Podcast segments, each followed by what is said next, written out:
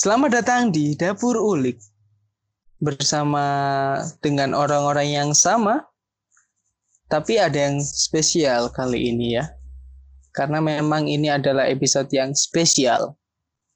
Dengan saya Roni Tato, Dengan saya Agil Keranjang.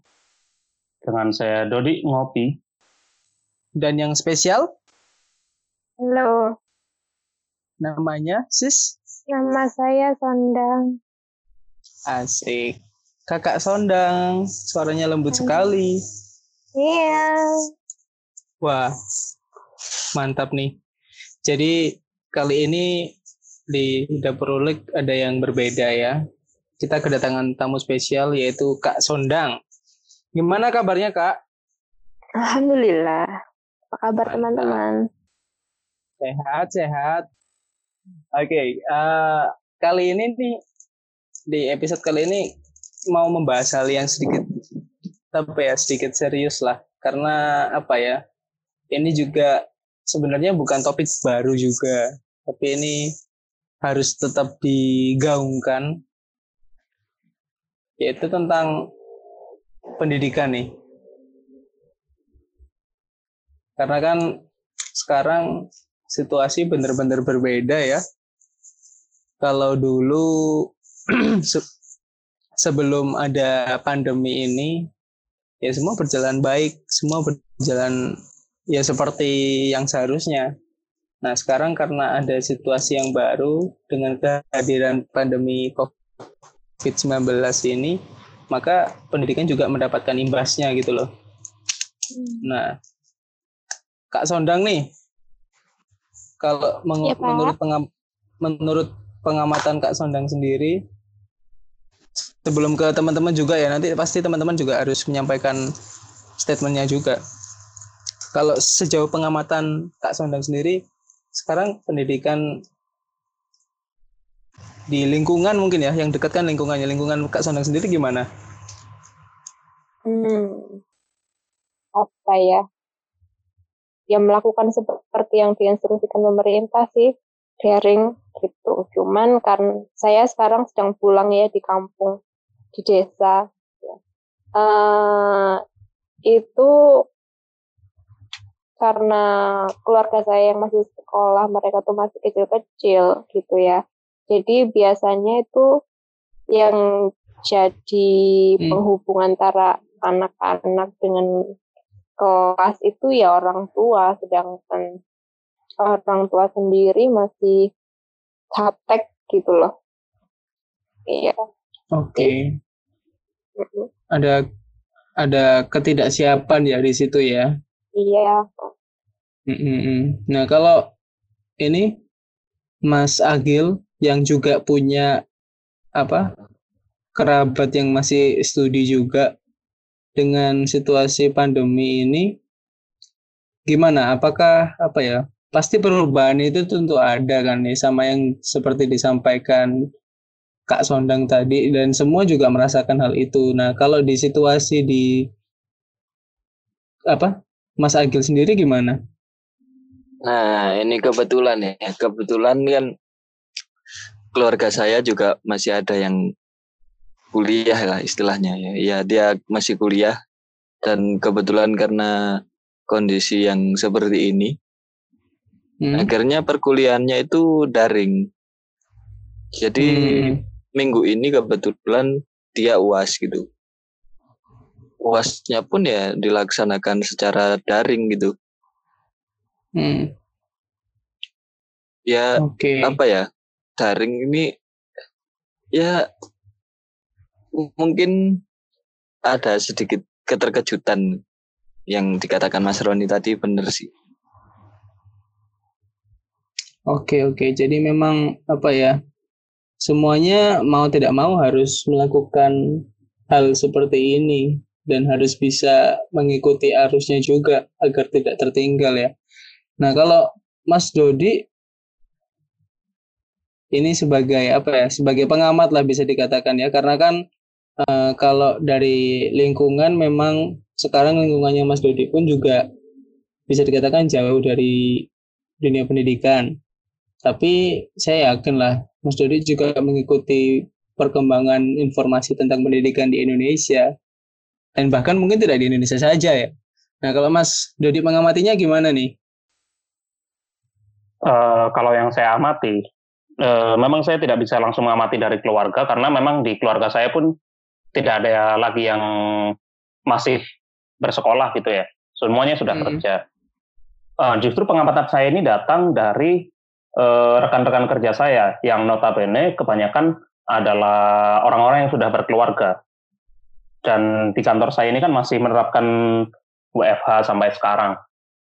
Dan, uh, tidak sekali dua kali gitu saya uh, mendengarkan rekan-rekan kerja saya itu sedikit mengeluh gitu karena memang itu tadi tidak adanya bukan tidak ada ya tapi uh, kurangnya kesiapan untuk melakukan daring kurangnya instruksi lalu kurangnya koordinasi juga mungkin antar guru dan sekolah jadi ada guru itu yang tanpa memberikan penjelasan tanpa apa tapi langsung membebankan tugas secara banyak dan itu kan hmm. kalau mereka hmm. tidak mendapatkan uh, sebuah supervisi yang uh, berkala dari orang tertentu yang sekarang diserahkan kepada wali murid itu kan uh, ada tendensi untuk uh, peserta didik ini tidak mengerjakan tugasnya begitu jadi dan itu akan merepotkan orang tua yang posisinya saat itu sedang WFH. Padahal orang tua ini, wali murid ini masih harus membayar biaya sekolah itu secara penuh, termasuk untuk membayar uh, tenaga kependidikannya begitu. Iya iya iya. Memang yang disampaikan teman-teman ini juga semuanya nggak salah ya. Memang benar itu kenyataannya juga gitu loh kalau saya bisa menambahkan karena saya juga apa ya bisa dikatakan terlibat langsung di dunia pendidikan ini ini sedikit itu ya sedikit sedikit melangkah ke belakang dulu sebelum ini kan tahun ajaran yang kalau saya kan di dunia bukan di dunia ya di tingkat di jenjang SMP nah sebentar lagi kan menyambut tahun ajaran yang baru. Nah kalau berbicara di tahun ajaran yang sebelumnya kan sekolah itu uh, kegiatan yang belajar mengajar secara langsung tatap muka itu dihentikan sejak tanggal 14 Maret kemarin. Nah, dari situ memang ya setiap sekolah memiliki uh, kebijakan yang berbeda dalam menyikapi pandemi ini. Nah, kalau di sekolah saya memang uh, kembali lagi tenaga kependidikannya tenaga pendidiknya itu eh, rata-rata uh, bisa dikatakan usianya itu menginjak di usia yang 40 tahun ke atas. Nah, itu juga menjadi salah satu uh, faktor atau hal apa ya kendala yang menyebabkan itu tadi yang bisa dikatakan uh, Kak Sondang tadi ada sedikit gaptek di situ ya. Karena memang yeah semuanya terbiasa dengan cara mengajar yang secara langsung. Nah, kalau di sekolah saya belum sama sekali menyiapkan piranti-piranti untuk mendukung jalannya kegiatan daring. Akhirnya ya yang bisa dilakukan dengan menggunakan beberapa layanan yang disediakan oleh pihak ketiga seperti itu. Ya menggunakan Google Form, Google Classroom seperti itu. Tapi memang uh, pada proses melakukannya itu itu tidak bisa berjalan dengan baik karena ya itu tadi uh, bisa dikatakan apa ya? Ini kalau pengamatan saya sedikit menggagalkan kewajiban. Ya karena itu tadi uh, kita berusaha memberikan materi tapi dari guru sendiri juga merasa tidak bisa maksimal karena belum terbiasa menggunakan itu semua. Itu lalu kalau dari yang orang tua itu semua juga dirasakan di lingkungan saya. Orang tua pada mengeluh gitu.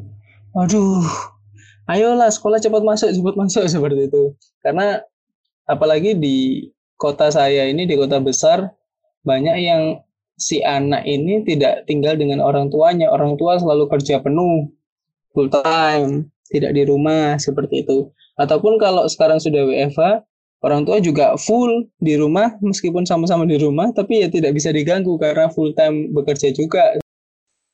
Jadi uh, apa? banyak kurangnya lah kalau bisa dikatakan ya di tiga bulan pertama apa sekolah dihentikan kegiatan belajar secara langsung. Nah tapi sekarang kalau di sekolah saya itu uh, ada evaluasi dari yang kemarin kan, lalu berusaha untuk memperbaiki. Nah ya ada beberapa hal yang diperbaiki seperti uh, pengadaan sarana untuk mendukungnya daring. Nah tapi itu kembali lagi ada ada sesuatu hal yang diperlukan yaitu biaya. Nah, dari biaya ini juga itu ada keluhan dari pihak orang tua. Nah, ini kan juga jadi masalah ya. Seperti itu. Kalau menurut menurut teman-teman nih, ya, saya ngelempar nih. Biaya dan pendidikan ini apa ya? Menjadi satu hal yang apa ya? keduanya itu sama-sama perlu tapi Nah, saya sampai bingung harus ngomongnya seperti apa ini. Mungkin ada yang bisa membantu ini. Mas Dodi, Mas Agil atau Kak Sondang? Uh, gini ya, mungkin kalau biaya dan apa? Biaya dan apa tadi Mas Roni? Pendidikan. Biaya dan pendidikan, oke. Okay. Kalau menurut saya pendidikan jelas membutuhkan biaya ya karena nggak mungkin jangankan pendidikan apa pun apa pun itu membutuhkan biaya bagi saya meskipun itu materi atau non materi yang namanya biaya itu nggak selalu materi kan bisa saja hmm. biaya yang non materi seperti tenaga itu pun biaya bagi saya iya jadi sih, Uh, biaya itu memang harus diperlukan untuk berjalannya suatu sistem seperti pendidikan. Uh, kalau dianalogikan bisa dianalogikan begini pendidikan itu kita anggaplah sebagai motor.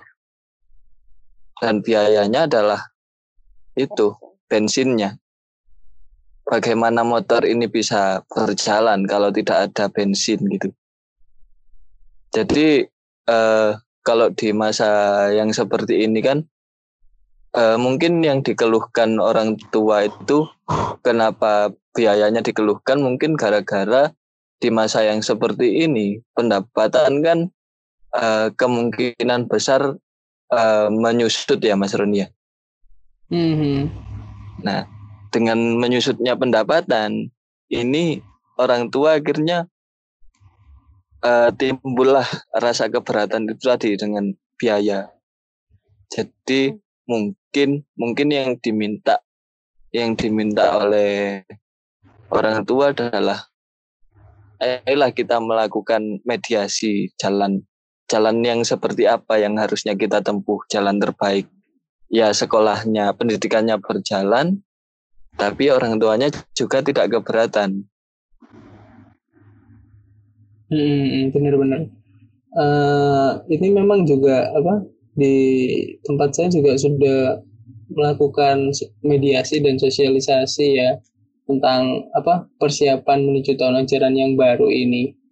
Jadi banyak yang harus disiapkan gitu loh karena sekolah juga belum ada sarana untuk mendukung itu ya seperti uh, memperbaiki kualitas jaringan yang ada di sekolah, kemudian piranti-piranti seperti komputer dan laptop itu juga perlu diadakan.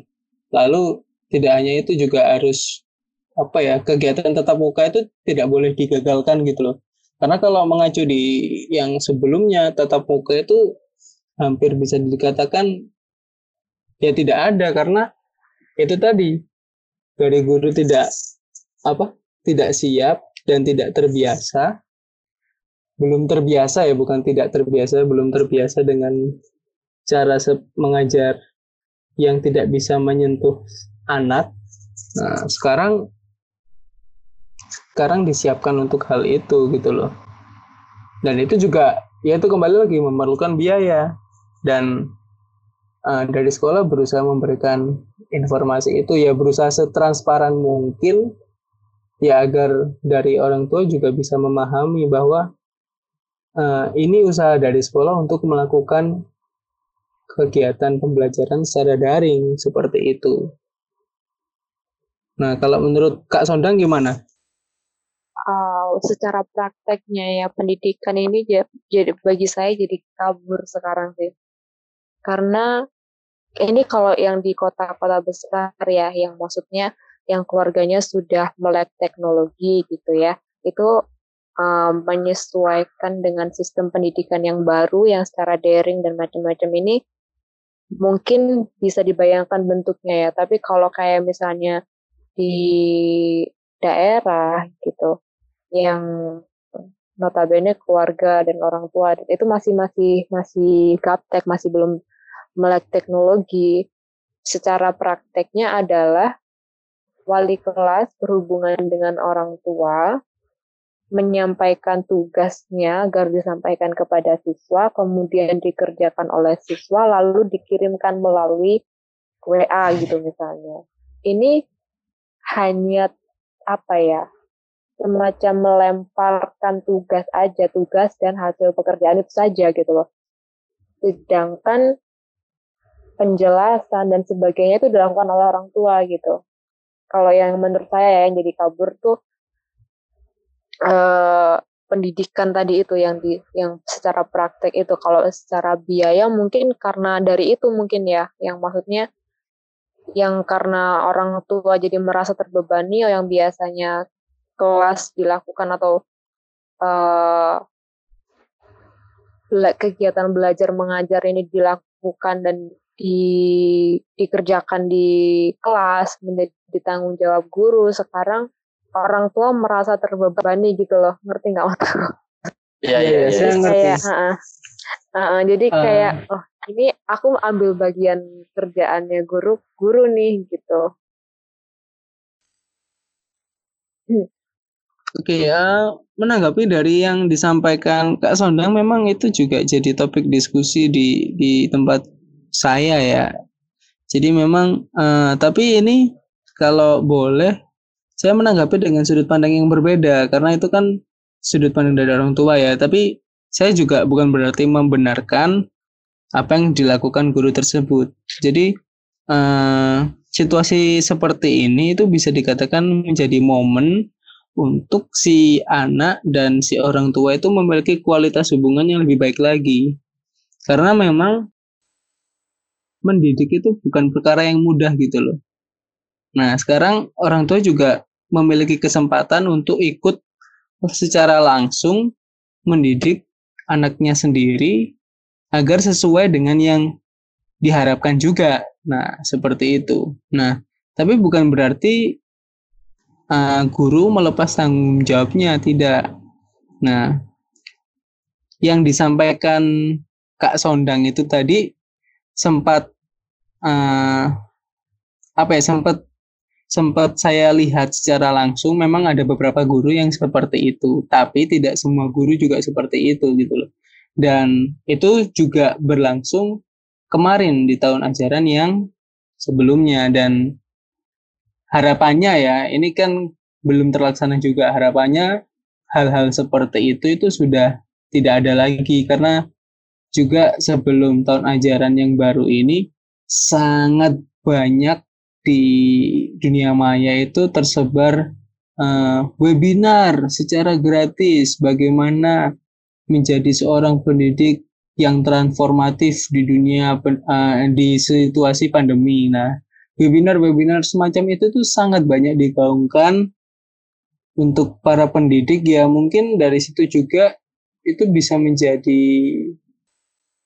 kejutan gitu ya agar pendidik juga sadar bahwa bukan berarti situasi seperti ini itu menjadi hal untuk disepelekan gitu loh. Justru ini malah menjadi hal yang serius kan karena karena kita apa ya tanggung jawabnya besar gitu loh. Iya. Mm -mm. Tanggung jawabnya juga besar. Malah resiko malpraktek pendidikan malah semakin besar juga dengan situasi seperti ini. Itu sih ya mungkin apa ya ini sih mungkin kalau berbicara soal pendidikan daring ini mulai dari implementasinya sampai urusan finansial itu uh, banyak polemik ya di situ.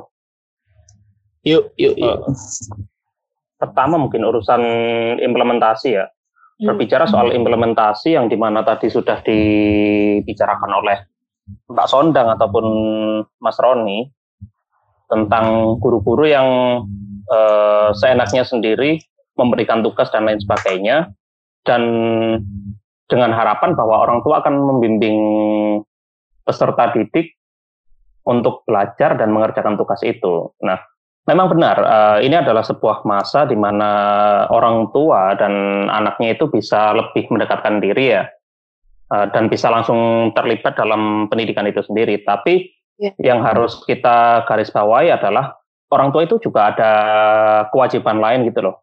Tidak semua orang tua itu uh, pada masa pandemi ini itu mereka tidak melakukan apa-apa di rumah. Katakanlah mungkin yang ibu rumah tangga juga masih tetap harus membersihkan rumah dan lain sebagainya. Begitu juga dengan yang karir ya, terlepas dari itu pria ataupun wanita, ayah ataupun ibu, itu juga mereka juga ada tanggung jawab gitu ke instansi lain yang sudah uh, uh, apa ya, sudah mengikat kontrak Jadi tanggung mereka. jawabnya.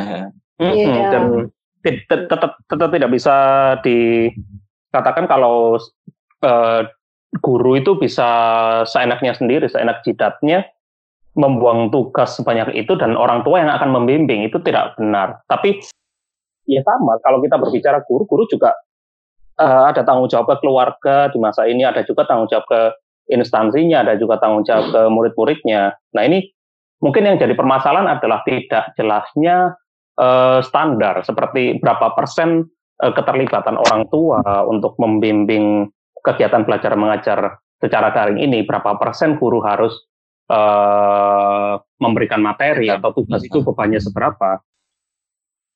Oke oke, saya masuk ya. Uh, menanggapi yang disampaikan Mas Dodi, ini mengacu dari apa ya? Bisa dikatakan himbauan dari Mas Menteri itu kan mengatakan bahwa itu semua itu dikembalikan kepada guru pengampu masing-masing karena guru pengampu masing-masing itu yang tahu bagaimana situasi dan kondisi di setiap instansi yang dia jalani sekarang.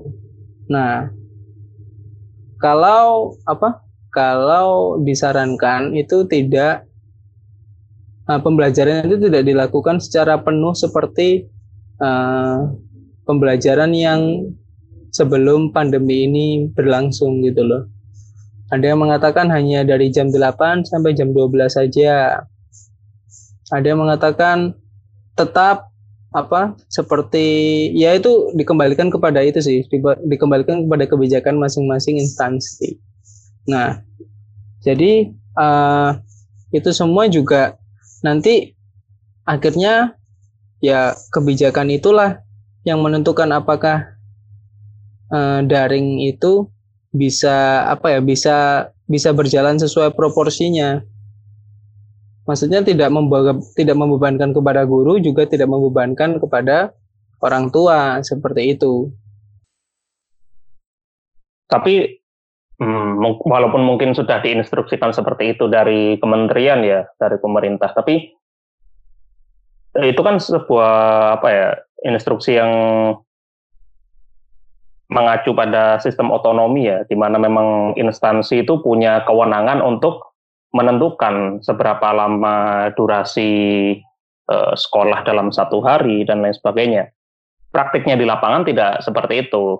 Uh, saya juga ada beberapa teman gitu yang masih murid ya, dan mereka juga ini walaupun saya tidak bisa berbicara ini atas nama seluruh murid yang sedang menjalankan uh, pendidikan daring, tapi dari beberapa teman-teman saya yang masih bersekolah ini, mereka itu banyak mengeluh kalau guru-guru itu ter, uh, cenderung memberikan tugas yang terlalu banyak dan itu tidak tidak hanya satu guru tapi banyak guru gitu. Akhirnya mereka harus sama saja sampai larut malam untuk menyelesaikan tugas ini sama-sama seperti sekolah pada umumnya masih masih sama lah istilahnya dan itu kadang ada yang tugasnya pengumpulannya pada malam itu juga pengumpulannya ya, bukan bukan ininya, bukan pembelajarannya. Jadi pengumpulan tugas uh, katakanlah diberikan pagi ini dan harus dikumpulkan malam ini. Tapi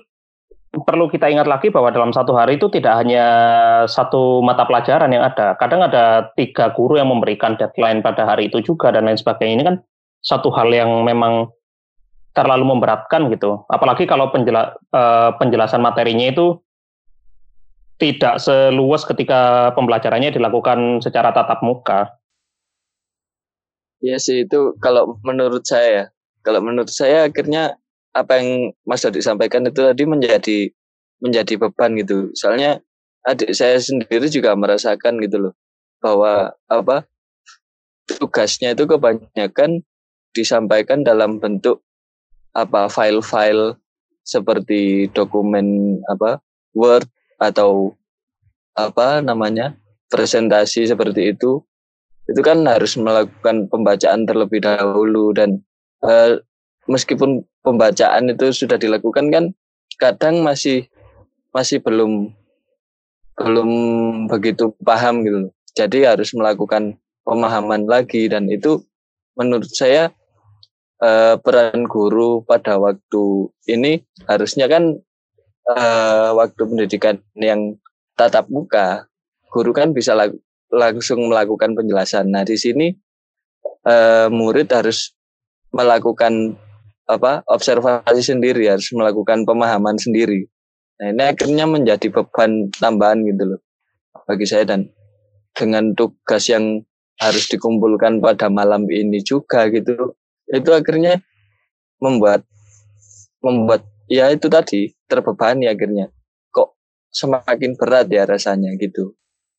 Um, iya, kalau menurut saya gini, yang jadi pertanyaan saya itu sebenarnya gini, yang tadi saya bilang uh, pendidikan secara praktek akhirnya terasa kabur menurut saya tuh gini.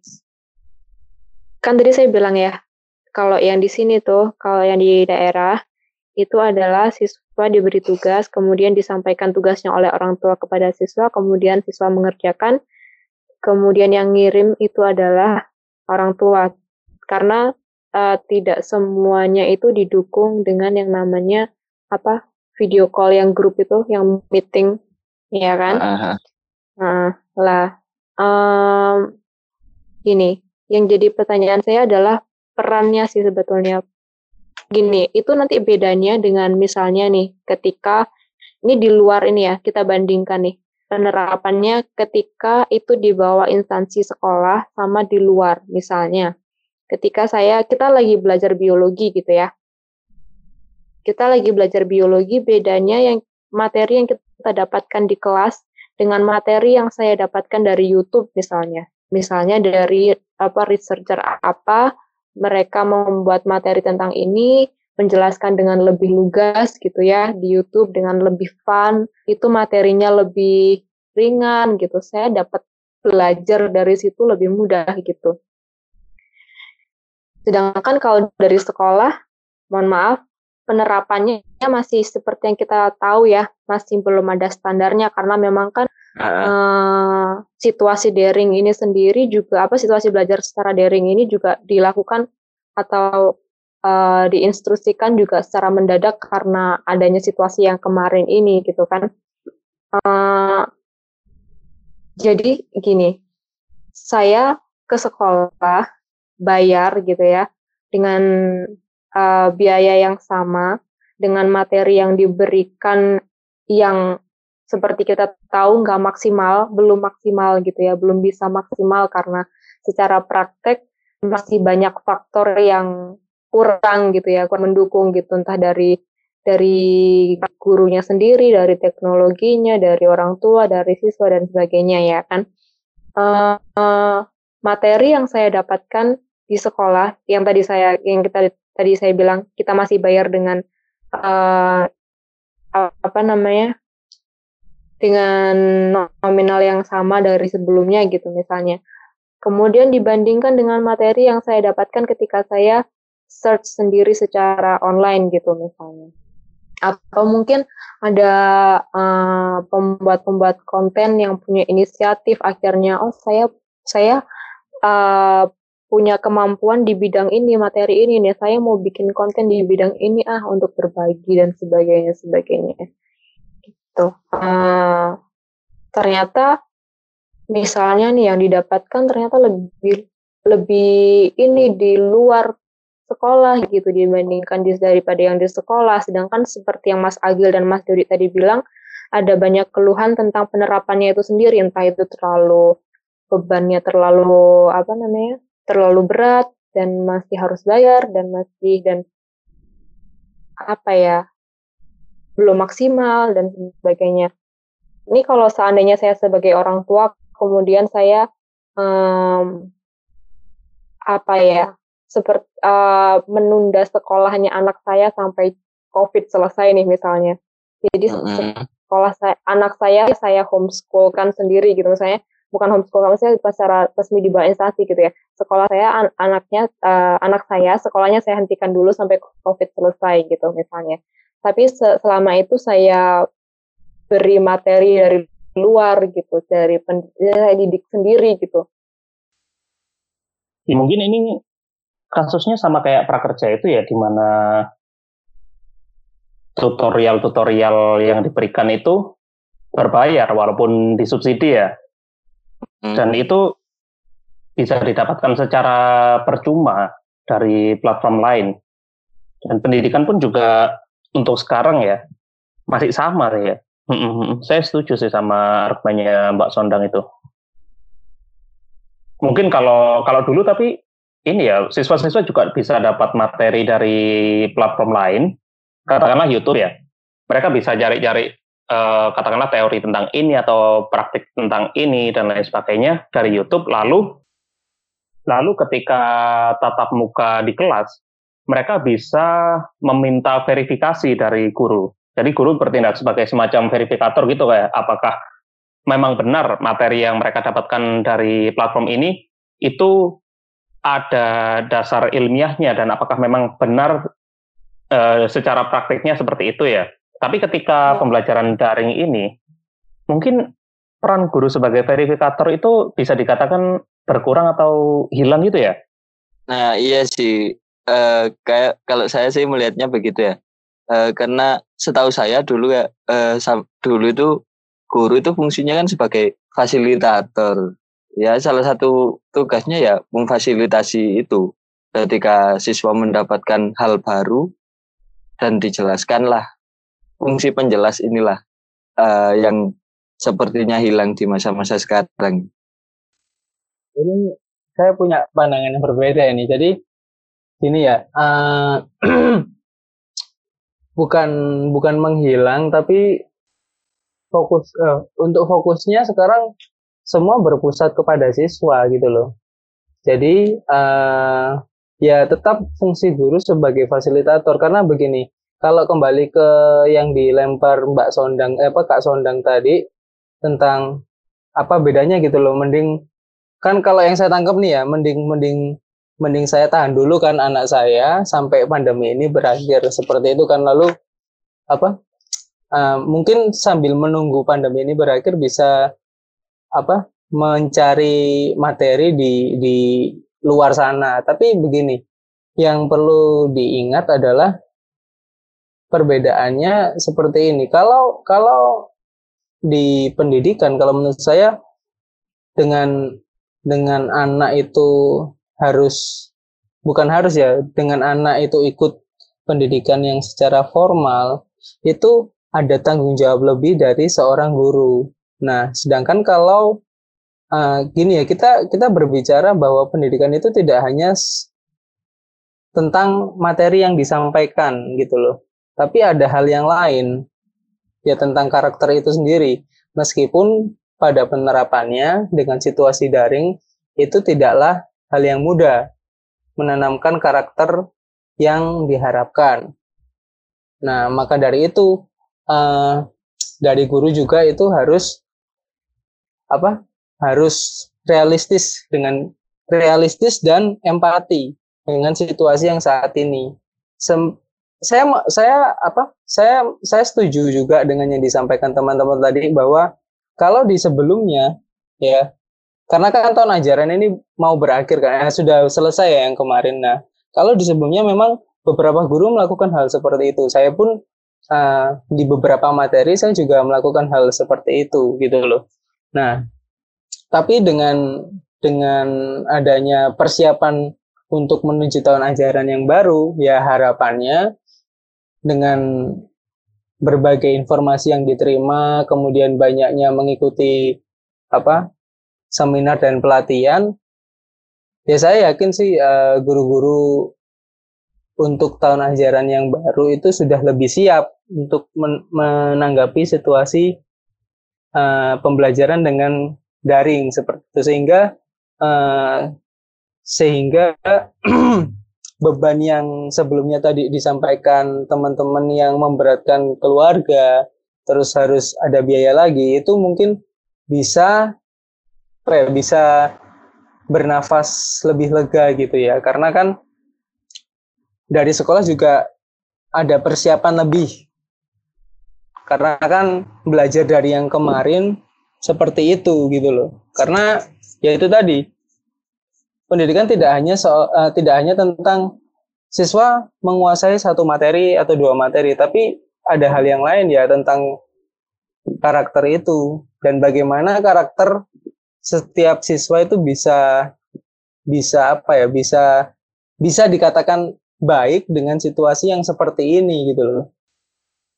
Hmm. Mungkin ah ya bukan bukan bukan ini sih.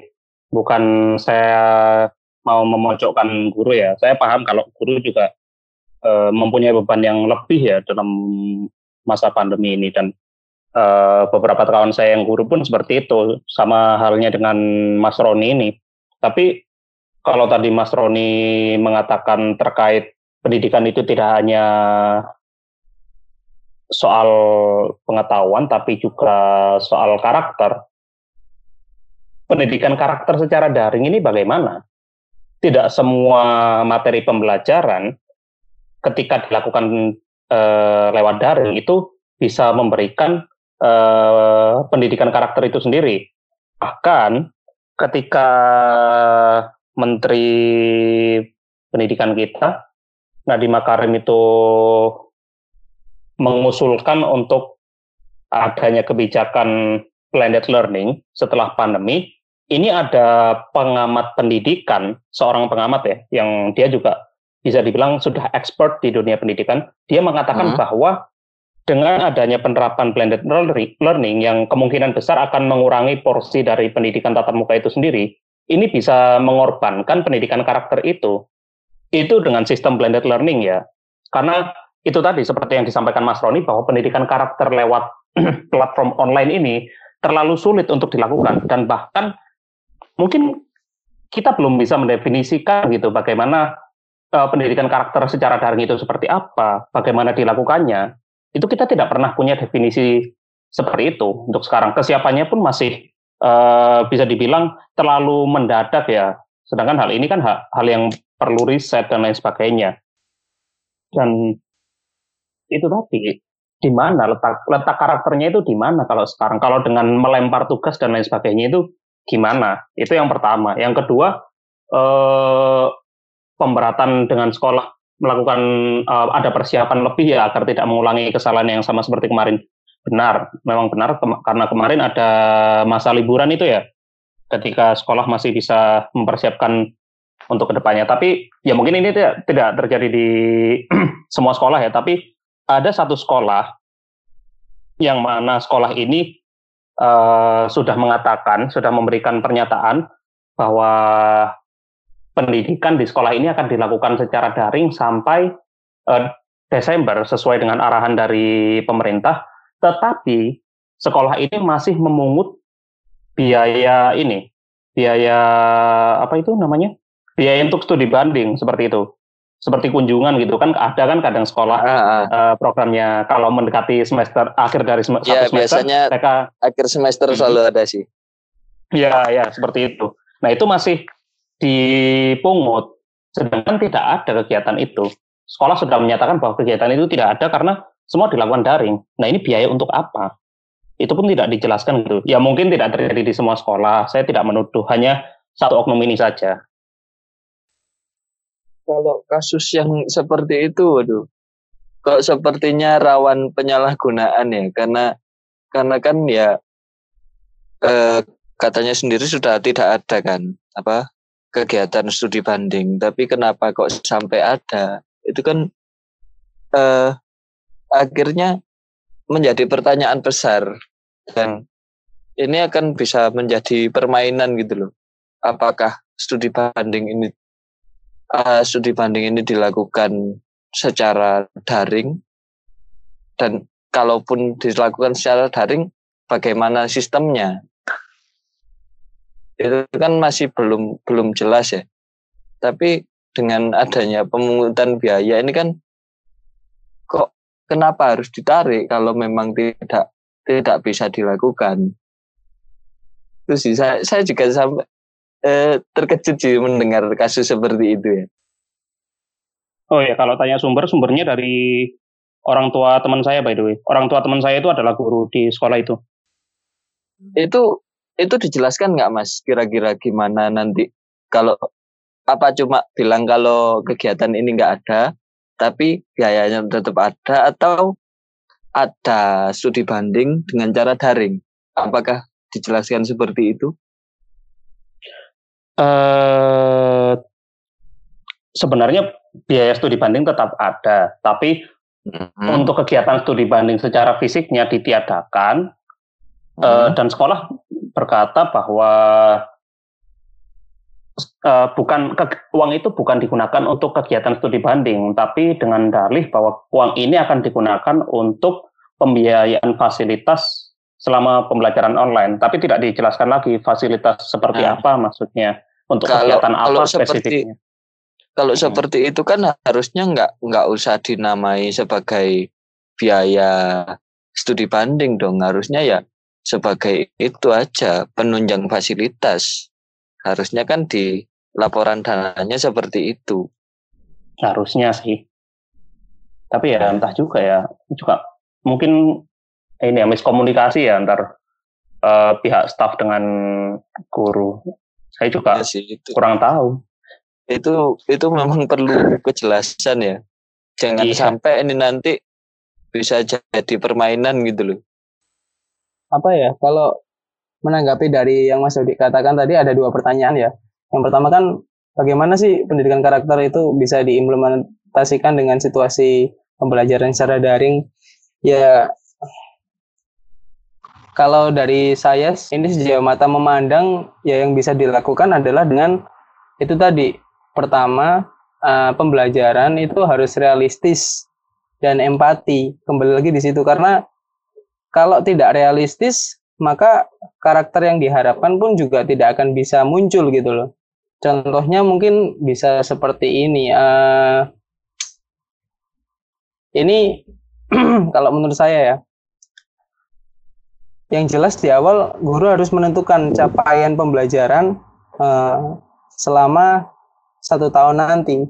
Karena kan ya kita tahu lah ini sama-sama sarjana pendidikan juga kan. Maksudnya uh, capaian pembelajaran itu harus ditentukan di awal yang realistis dan empati. Maksudnya realistis itu ya kita harus menyesuaikan dengan situasi yang saat ini.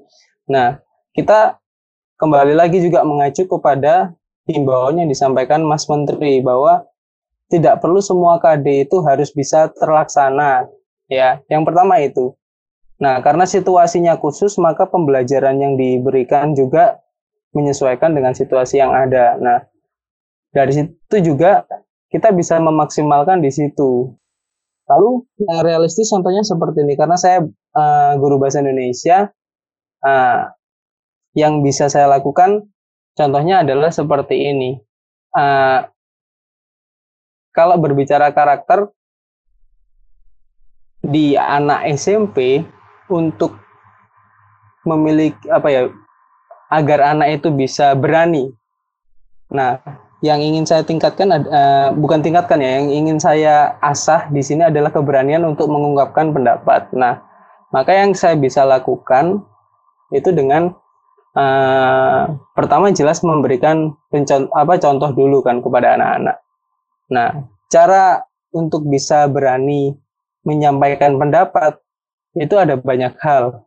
Nah, apalagi daring, ya mungkin bisa dilakukan dengan uh, membuat proyek, proyek yang sederhana tentunya, yang tidak membebankan juga kepada si anak. Misalnya membuat podcast. Lalu temanya apa? Nah, itu bisa dikatakan realistis adalah dengan menyesuaikan uh, kesukaan anak-anak. Misalnya ada yang anak suka game atau anak yang suka sepak bola atau anak yang suka dengan dunia uh, travel, ya silakan. Silakan anak-anak membuat suatu deskripsi tentang hal-hal yang disukai. Nah, tapi tetap ada kaidah dalam penyampaian itu. Nah, dari situ materi bahasa Indonesia bisa disampaikan. Nah, karakter juga berani untuk bersuara itu juga bisa tersampaikan. Nah, kalau menurut saya seperti itu. Itu itu salah satu contoh sih. Mungkin mungkin ini bisa dilakukan juga untuk teman-teman yang lain itu. Lalu kalau yang kedua, masalah biaya studi banding itu tadi kalau di apa? Yang saya amati di lingkungan saya, biaya itu memang tetap ada ya dan itu memang difungsikan sesuai fungsinya gitu. Nah, kapan kalau dikatakan kapan itu harapannya ya kita berbicara harapannya harapannya nanti di semester 2 ketika memang situasi sudah dimungkinkan itu akan dilaksanakan. Nah, apabila tidak dimungkinkan ya maka akan dikembalikan. Jadi memang kuncinya di sini menurut saya transparansi setiap instansi itu memang harus benar-benar diterapkan gitu loh. Karena kita masalahnya ini dengan kepercayaan antara instansi dengan orang. Saya pikir sih seperti itu. Terima kasih penjelasannya uh, tentang jadi pendidikan karakter ya di, yang harus di ya gimana cara apa memberikan pendidikan karakter ya di dalam situasi pandemi ini dan, dan uh, situasi belajar secara daring ini ya. Jadi maksudnya jadi lebih paham gitulah maksudnya saya tuh. Terusnya kalau yang dari kasus yang dari yang diutarakan Mas Dodi yang nomor dua tadi yang um, ada oknum yang dari sekolah tertentu yang kurang transparan gitu ya uh, menyampaikan pembebanan biaya tadi itu saya setuju sih sama sama Mas Roni. Uh, memang apa ya penting sekali sih untuk uh, lebih transparan gitu ya informasi-informasi seperti itu disampaikan kepada orang tua. Dan tadi sih realistis kalau memang biayanya dipakai untuk uh, mengadaptasi teknologi di sekolah dengan tuntutan pendi apa uh, pembelajaran daring ini ya ditulis aja gitu. Maksudnya dibilang aja ini diperlukan biaya sekian untuk apa namanya update teknologi di sekolah atau untuk mendukung pembelajaran secara daring di sekolah atau semacamnya gitu ya. Maksudnya nggak perlu ditulis dengan judul lain gitu maksud saya. Karena orang tua juga saya pikir sudah bukan waktu sudah bukan waktunya orang tua bisa dibodohi lagi gitu loh ya. Maksudnya tuh gitu. Lebih terbuka aja lebih transparan itu sih udah saya setuju aja sama Mas Roni kayaknya memang betul kayak gitu oke oke okay, uh, tapi apa di sini saya juga bukan apa ya bukan untuk uh, menggurui atau apa tapi ya ini sharing juga sih maksudnya ya. kemarin juga ya yang yang yang bisa saya lakukan dengan situasi yang seperti ini ya seperti itu loh. Uh, kalau mungkin Mas Roni bisa menambahkan gitu kasih insight gitu ke kita. Kalau kan di sini yang ter, um, yang berkecimpung di dunia pendidikan yang terjun secara langsung kan di antara kita berempat nih kan Mas Roni nih.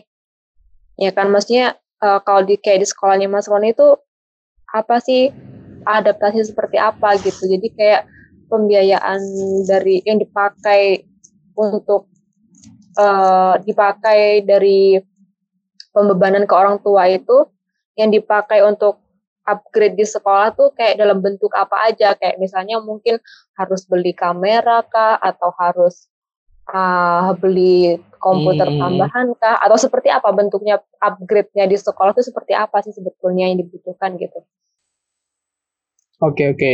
Wah, ini ya mungkin yang akan saya sampaikan juga mungkin harapannya ya tidak bisa mencakup semua karena kan jenjang pendidikan ini berbeda-beda ya. Mulai SD, SMP, SMA bahkan TK pun itu juga punya treatmentnya sendiri-sendiri. Cuma yang mungkin nanti yang akan saya sampaikan ya uh, yang sesuai yang saya lakukan ya.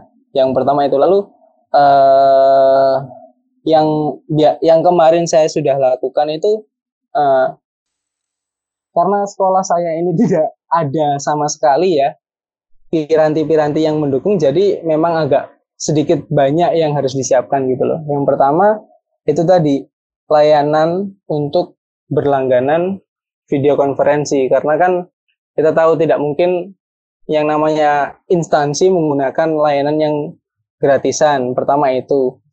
Lalu yang namanya gratisan juga fitur-fiturnya akan terbatas gitu loh. Makanya perlu yang adanya itu tadi agar bisa mencakup semua siswa. Lalu yang kedua, di kalau di sekolah saya itu Mas uh, baru sekarang itu diadakan yang namanya learning management system. Jadi itu bisa apa ya? mencakup seluruh siswa. Jadi saya tidak tahu istilah teknisnya ya, cuma yang saya sampaikan ini yang saya lihat saja. Jadi setiap anak itu akan memiliki akun, lalu bisa mengakses ke sana. Nah di sana itu sudah disediakan apa siswa bisa berkomunikasi langsung dengan guru, mulai dari mat tanya materi, kemudian ada tugas, ada ujian itu semua ada di sana gitu loh. Karena apa kalau menurut saya sudah selayaknya dan sepantasnya itu setiap sekolah memiliki learning management learning management system sendiri gitu loh, tidak merepotkan pihak ketiga itu. Kemudian di sekolah saya uh, uh, baru saja itu apa namanya hmm, un, apa saya lupa itu apa oh ya itu era rapot. Nah, rapot juga akan disampaikannya juga secara daring nah melalui rapot yang sudah disediakan oleh pemerintah. Jadi itu eh, eh, apa berlangganan video konferensi, kemudian learning management sistemnya tadi harus ada, kemudian apa e-rapot dan yang kemarin ada dua lagi ya kalau di sekolah saya. Yang pertama adalah pemanfaatan situs sekolah dan media sosial sekolah itu juga menjadi hal yang penting selama daring karena media sosial dan situs sekolah ini menjadi salah satu wadah untuk transparansi sekolah kepada publik dan kepada uh, orang tua gitu loh agar tahu oh ternyata yang dilakukan sekolah selama daring itu seperti ini. Nah, jadi dari situ juga bisa tahu gitu loh yang dilakukan. Kemudian yang terakhir itu tadi uh, ruang penyimpanan awan karena kan semuanya berbasis daring ya tidak tidak tidak apa tidak bertegur sapa. Kalau bertegur sapa yang langsung kan mengumpulkan kertas seperti itu. Nah karena daring itu tadi yang diajar banyak maka diperlukan ruang penyimpanan awan juga dengan kapasitas yang bisa menampung seluruh siswa. Oke wah. Diskusinya juga nggak ter, nggak terasa ya sangat panjang dan menarik juga ini kalau apa berbicara tentang pendidikan. Nah, terus uh, bicara tentang pendidikan menuju daring ini ya kita sadari ya pemerataan pendidikan itu masih belum bisa tercapai di Indonesia gitu loh. Mungkin Mas Agil ada statement tentang hal itu Nah, iya sih Mas, ini ada beberapa keresahan ya. Kita kan ini uh, di masa-masa sekarang kan dituntut untuk apa selalu terhubung dalam jaringan ya. Nah, menanggapi jaringan ini perlu uh, kita jelas perlu dukungan dari teknologi seperti listrik dan sebagainya. Nah, uh, kemarin saya sempat uh, melakukan sedikit riset ya bahwa di Indonesia sendiri uh, elektrisasi belum belum merata begitu loh. Uh, masih masih ada beberapa daerah yang masih ada beberapa daerah yang tidak tidak tersentuh listrik. Uh, jangankan jauh-jauh di Jawa di Jawa Timur saja di Jawa Timur saja uh, seingat saya uh, seingat saya masih masih ada sekitar dua persen daerah yang belum tersentuh listrik. Nah, ini ini akan menjadi satu hal yang sangat besar, masalah besar bagi saya ya, ketika pembelajaran harus dilakukan secara daring. Bagaimana bagaimana daerah-daerah ini akan mengikuti kebijakan uh, pembelajaran daring seandainya uh, listrik saja tidak ada gitu. Uh, mungkin dari listrik ini kita bisa bisa juga akhirnya akan menjadi pertanyaan juga dengan tidak adanya dengan tidak adanya eh, dengan tidak adanya listrik ini apakah uh, masyarakat ini sudah melek teknologi gitu loh? Ya, seperti yang dikatakan Mbak Sondang di uh, bagian awal tadi kan masih masih banyak orang tua yang gaptek. Dan padahal itu mungkin sudah sudah ter, teralir teralir listrik ya di daerahnya. Nah, bagaimana dengan daerah-daerah yang belum teralir teraliri listrik? Apakah eh, kemampuan teknologinya juga sama gitu?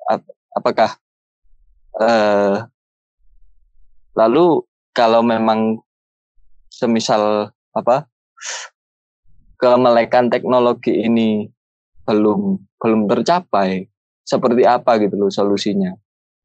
Apakah kita tinggalkan saja kita abaikan saja atau bagaimana?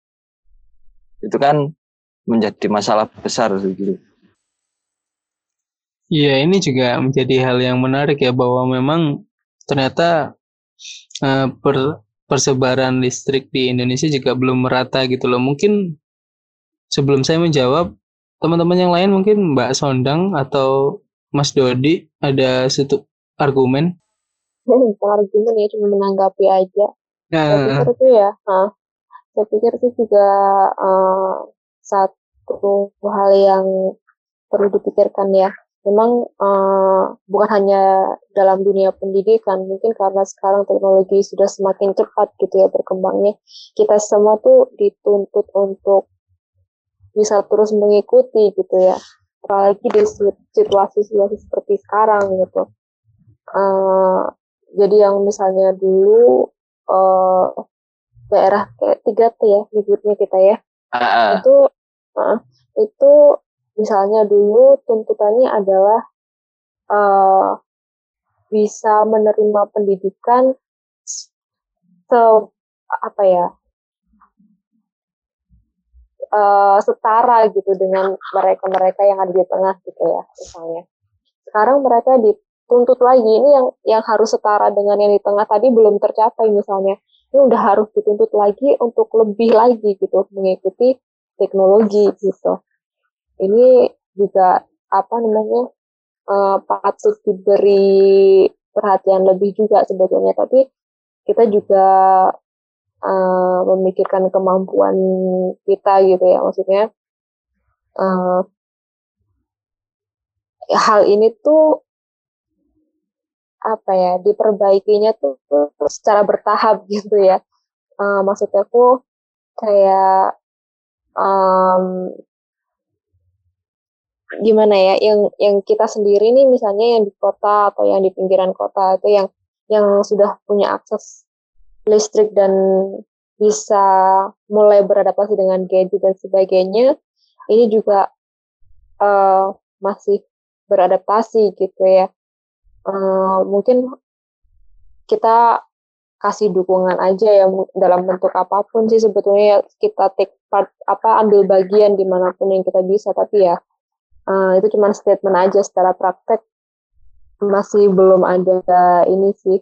Mungkin teman-teman bisa yang punya ide lain gitu mungkin misalnya uh, saya ini misalnya saya bukan saya bukan orang yang aktif di dunia pendidikan misalnya saya bisa take part seperti apa gitu mungkin bisa sharing-sharing kalau punya ide. Ini juga saya mengatakan hal ini juga apakah mungkin dilakukan saya juga tidak tahu tapi ini bisa jadi opsi gitu mungkin ini bisa menjadi alternatif ya. Jadi bukan istilah yang digunakan jika situasinya seperti itu ya tentu bukan daring ya. Istilah yang lebih tepat saya pikir adalah itu pembelajaran jarak jauh.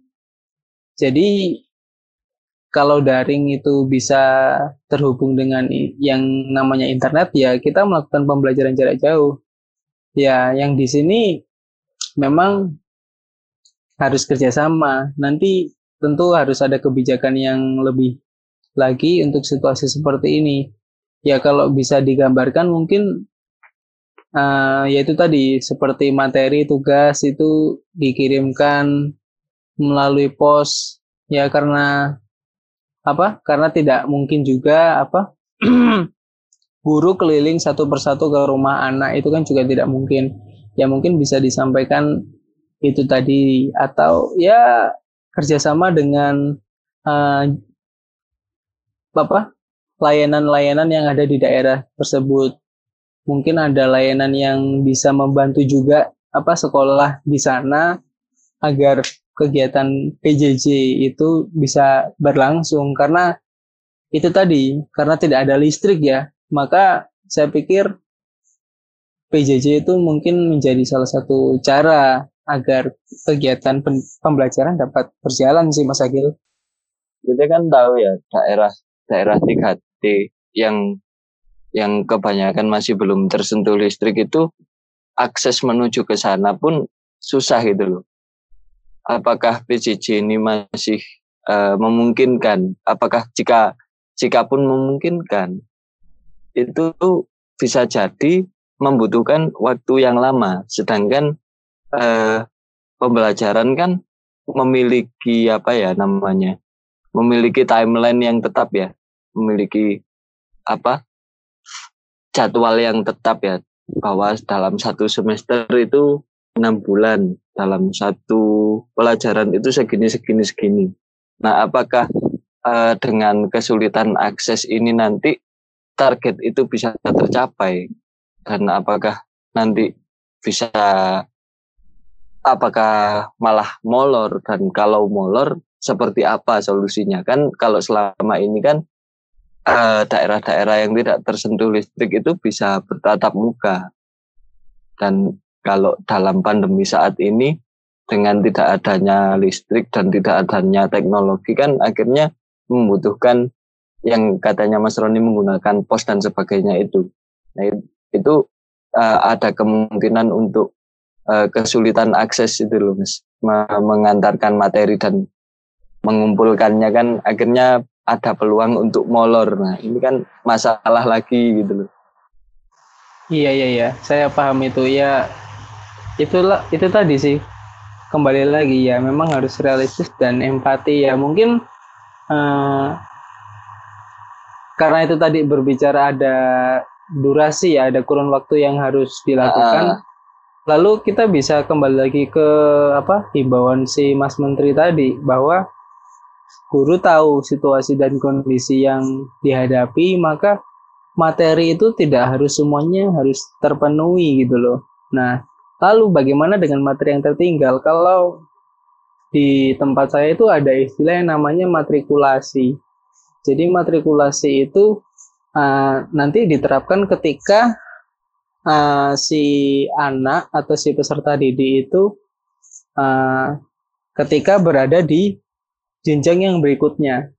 Mm-hmm. Jadi misalnya sekarang kelas 7 ke kelas 8. Nah, di kelas 8 itu nanti akan eh, tiga uh, bulan pertama itu fungsinya untuk melanjutkan materi yang sebelumnya tidak tersampaikan. Seperti itu. Jadi dengan situasi yang seperti ini ya kita harus realistis memang. Tidak semua materi bisa tersampaikan maka ada apa ya ada ada kebijakan untuk sampaikanlah materi yang memang dapat disampaikan sesuai dengan situasi yang dibutuhkan saat ini gitu loh. Nah, nanti untuk sisanya yaitu tadi dengan cara matrikulasi itu tadi Mas Agil. Mungkin itu sih. Tapi gini ya, ini singkat sih menanggapi diskusi bertiga tadi ya Mas Agil, Mas Roni sama Mbak Sondang. Kalau berbicara tempat yang sangat-sangat 3T, tanpa ada listrik dan akses ke sananya yang sulit, saya sempat meragukan sih apakah tempat itu terjangkit corona juga ya. Karena kan corona itu persebarannya distribusinya dari manusia ke manusia dan tidak langsung ada gitu dan ya harus manusia yang sudah kena corona datang ke sana baru ada yang kena. Tapi kalau aksesnya sulit saya sedikit meragukan sih. Dan himbauan terakhir dari pemerintah yang daerahnya zona hijau masih boleh menjalankan pendidikan tatap muka. Jadi ada ada kemungkinan untuk masih melakukan pembelajaran tatap muka seperti itu Mas ya? Iya iya. Cuman yang jadi PR mungkin tempat yang ada listrik tapi sulit. Ma, uh, katakanlah sudah ada listrik tapi pendistribusiannya tidak merata. Lalu kemudian masalah sinyal juga, kan ada juga tempat yang sudah ada listrik tapi susah sinyal. Iya iya. Dan ya. kebetulan daerah itu uh, belum bisa dikatakan sepenuhnya hijau. Nah itu mungkin PR tersendiri sih. Tentu kita tidak mungkin membebankan itu juga pada pemerintah loh. Tapi ini perlu kerjasama dengan pemerintah gitu, pemerintah pusat dan pemerintah daerah. Mungkin itu sih jawaban untuk masalah itu ya karena yang punya kewenangan adalah pemerintah pusat dan pemerintah daerah seperti itu. Dan ini juga mungkin bisa menjadi penutup dari podcast tentang pendidikan di musim corona ini ya. Tapi sebelum ditutup nih, mungkin dari teman-teman ini semuanya ada satu statement untuk pendidikan di Indonesia. Mungkin dari itu tamu spesial Kak Sondang dulu mungkin. Semangat. ya. Okay. Semangat. Semangat. Ya, semangat benar banget. Semangat ya, semangat itu adalah kunci ya untuk menjalani situasi berbagai situasi tidak hanya saat corona dan Hah? Gimana kak? Suaranya kok kecil? Tetap positif aja, asal jangan positif corona. Asik, romantis, mantap. Nah, kalau dari Mas Agil nih, Ya, kalau dari saya eh, sesulit apa pun keadaan kita, pendidikan itu tetap harus merdeka. Maka merdekalah dalam belajar. Asik. Mas Dodi nih, gimana? Pendidikan adalah hak semua siswa, jadi dalam kesulitan apa pun, semua pihak harus sama-sama uh, ini bahu membahu untuk memenuhi hak tersebut. Wow. Ternyata sudah keren-keren ya. Jadi memang menjalani kehidupan ini baik itu dalam ranah pendidikan ataupun tidak semuanya harus semangat dan harus merdeka karena itu semua adalah hak segala umat manusia. Jadi realistislah dan empati. Asik. Itu saja dari episode podcast Dapur Ulik hari ini episode ini. Terima kasih sudah mendengarkan dan jangan lupa uh, apabila ada masukan, kritik, saran, dan apresiasi silakan kirimkan ke surel kami di dapurulik@gmail.com. Saya Roni Tato pamit undur diri dan teman-teman saya silakan satu persatu. Saya Agil Keranjang saya Dodi Skuteng. Saya Sondang Sawi. Asik. Kami semua pamit undur diri. Dan sekali lagi, terima kasih sudah mendengarkan Dapur Ulik.